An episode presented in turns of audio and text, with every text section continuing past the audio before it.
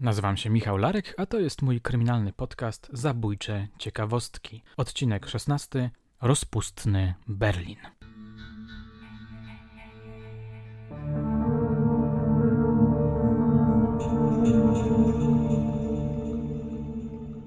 Relacje międzyludzkie bywają niekiedy niebywale pokręcone. Chyba nikt tu ze mną nie będzie dyskutował, prawda? Taki dowód mam na to. Przeglądam sobie ekspres wieczorny ilustrowany z dnia 9 lutego 1928 roku i natrafiam na krzykliwy nagłówek. Niezwykła zbrodnia w Łodzi. Czytam i baranieję. Przyznam, że końcówka tej historii zaskoczyła mnie. Wyobraźcie sobie sytuację dość standardową. Dziewczyna poznaje chłopca. Młodzi zakochują się w sobie, pobierają.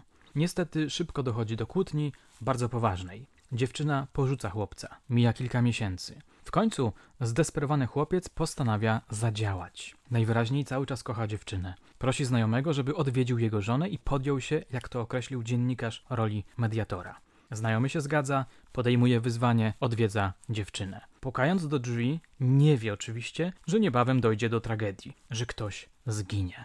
A teraz pytanie do Was: kto zginie? Jak myślicie, jak obstawiacie? Skupcie się i wymyślcie scenariusz dalszych wydarzeń. Kto zginie? A teraz posłuchajcie wersji przedstawionej przez dziennikarza. Młoda kobieta, dowiedziawszy się, że przybyły pragnie ją pogodzić z mężem, nie chciała z nim nawet rozmawiać. Marchwiński, czyli ten negocjator, wdarł się jednak do pokoju i kategorycznie zażądał, by natychmiast powróciła do Kapcińskiego, czyli do męża. Nigdy, zawołała. Przybyły porwał ze stołu nóż i zbliżył się do kobiety. Muszę przełamać twój upór, krzyknął. Gdy młoda kobieta usiłowała wymknąć się z pokoju, uderzył ją nożem. Ratunku, pomocy! rozległ się przeraźliwy krzyk. On chce mnie zamordować! Gdy Marchwiński usłyszał odgłos kroków nadbiegających rodziców Kapcińskiej, chwycił ze stołu nóż i wbił go sobie w pierś. Pan Reich, czyli ojciec, który po chwili znalazł się w pokoju, ujrzał wstrząsającą scenę. Na podłodze w kałuży krwi leżała jego córka i Marchwiński. Pan Reich niezwłocznie zaalarmował pogotowie, które rannym udzieliło pomocy. O strasznym fakcie zawiadomiono policję. Mocne, prawda? Podejrzewam, że gdyby Tarantino miał się zabawić tą historyjką, sprawiłby, że pan Reich rzuciłby się na Marchwińskiego i zabiłby go. Najlepiej w jakiś makabryczny sposób, na przykład chwyciłby siekierę, zamachnął się nią, potknął i przypadkowo odrąbał głowę Marchwińskiemu. Na to weszłaby żona pana Reicha i padła trupem, widząc tarantinowską masakrę. A właśnie, właśnie, byliście w kinie na pewnego razu w Hollywood, ostatnim filmie Tarantino? Jestem ciekawy, czy podobał Wam się sposób, w jaki Tarantino zagrał z prawdziwymi wydarzeniami, które miały miejsce w 1969 roku przy Cielo Drive. Jestem bardzo ciekawy Waszych wrażeń. Tymczasem zabieram się za kolejną ciekawostkę. Oto dostrzegam bowiem intrygujący nagłówek. Ilustrowany kurier codzienny z dnia 11 lutego 1928 roku. Redakcja tym razem pofolgowała swojemu retorycznemu temperamentowi. Strzęsawiska zbrodni i rozpusty w Berlinie. Poezja, prawda? Uwielbiam gazetową poezję. Te skandalizujące nagłówki, ociekające krwią opowiastki, grzeszne emocje. Wy chyba też, skoro mnie słuchacie. No dobrze, ale zanurzmy się teraz w owym berlińskim trzęsawisku zbrodni i rozpusty. Posłuchajcie. Przed tutejszym sądem karnym rozpoczął się dzisiaj proces mający niezwykle sensacyjne i skandaliczne tło, przy czym rzucające bardzo ciekawe światło na stosunki panujące wśród młodzieży niemieckiej.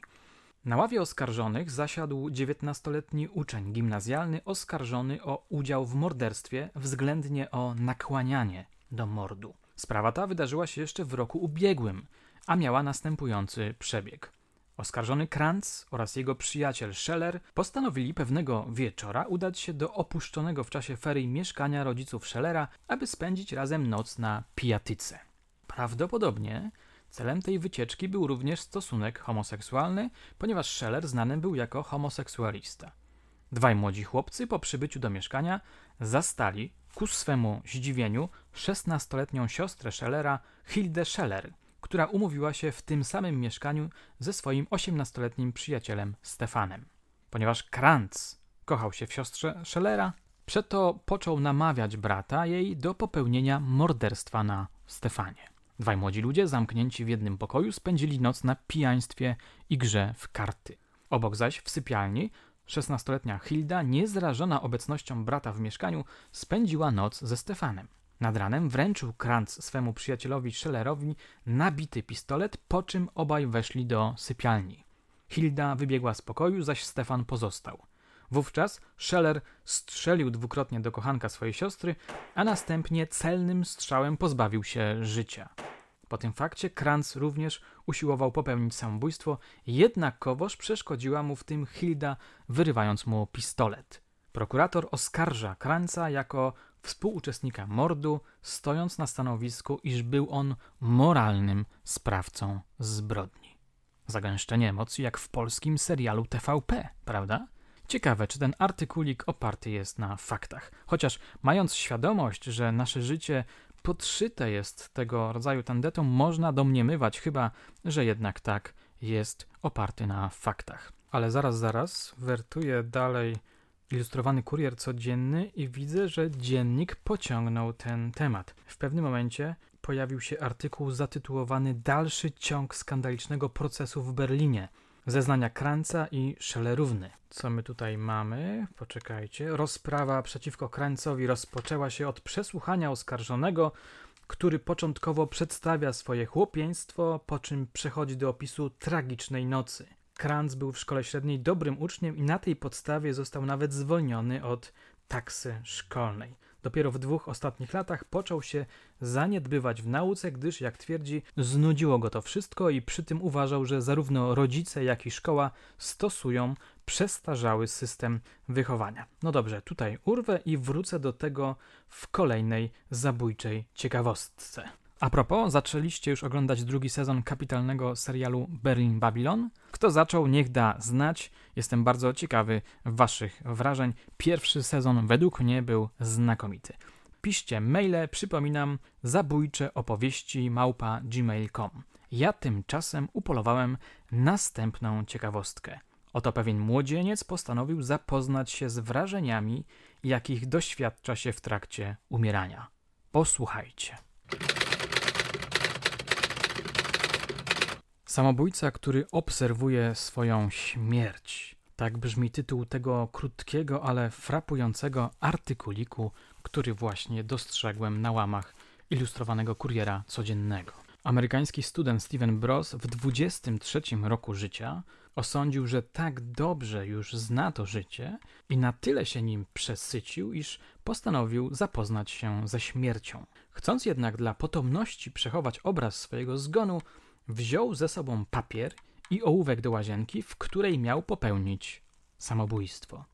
Odkręcił kurek od gazu, a gdy przerażona matka otwarła drzwi, znalazła syna martwego, a obok niego kartkę z następującymi słowami. Odkręciłem kurek od gazu. Gaz syczy trochę, ale nie ma przykrego zapachu. Chciałbym, aby za moim pośrednictwem świat dowiedział się o szczegółach procesu umierania. Teraz już minęły trzy minuty. Nie czuję się wcale źle. Pięć minut. Głowa zaczyna mnie nieco boleć. Osiem minut. Utraciłem nagle całkiem ochotę do pisania. Niech się świat nie dowie niczego o moim konaniu. Precz z tym światem. Tutaj tekst się urywa. Intryguje ta nagła zmiana. Dlaczego Steven porzuca pomysł poinformowania ludzi, jak wygląda dokładnie proces powolnego umierania. Nawiasem mówiąc, to ciekawy punkt wyjścia jakiejś opowieści, której bohaterem byłby tego rodzaju egzystencjalny kaskader. Człowiek testujący różne ryzykowne przedsięwzięcia. A propos, oglądaliście Crash Niebezpieczne Pożądanie? Dziwaczny film Cronenberga, który przedstawiał ludzi, dla których wypadki samochodowe były zjawiskiem wyzwalającym energię seksualną. Polecam jeśli lubicie nieoczywiste i pokręcone filmy. A na dzisiaj to już wszystko. Dziękuję Wam za uwagę i do usłyszenia już niebawem.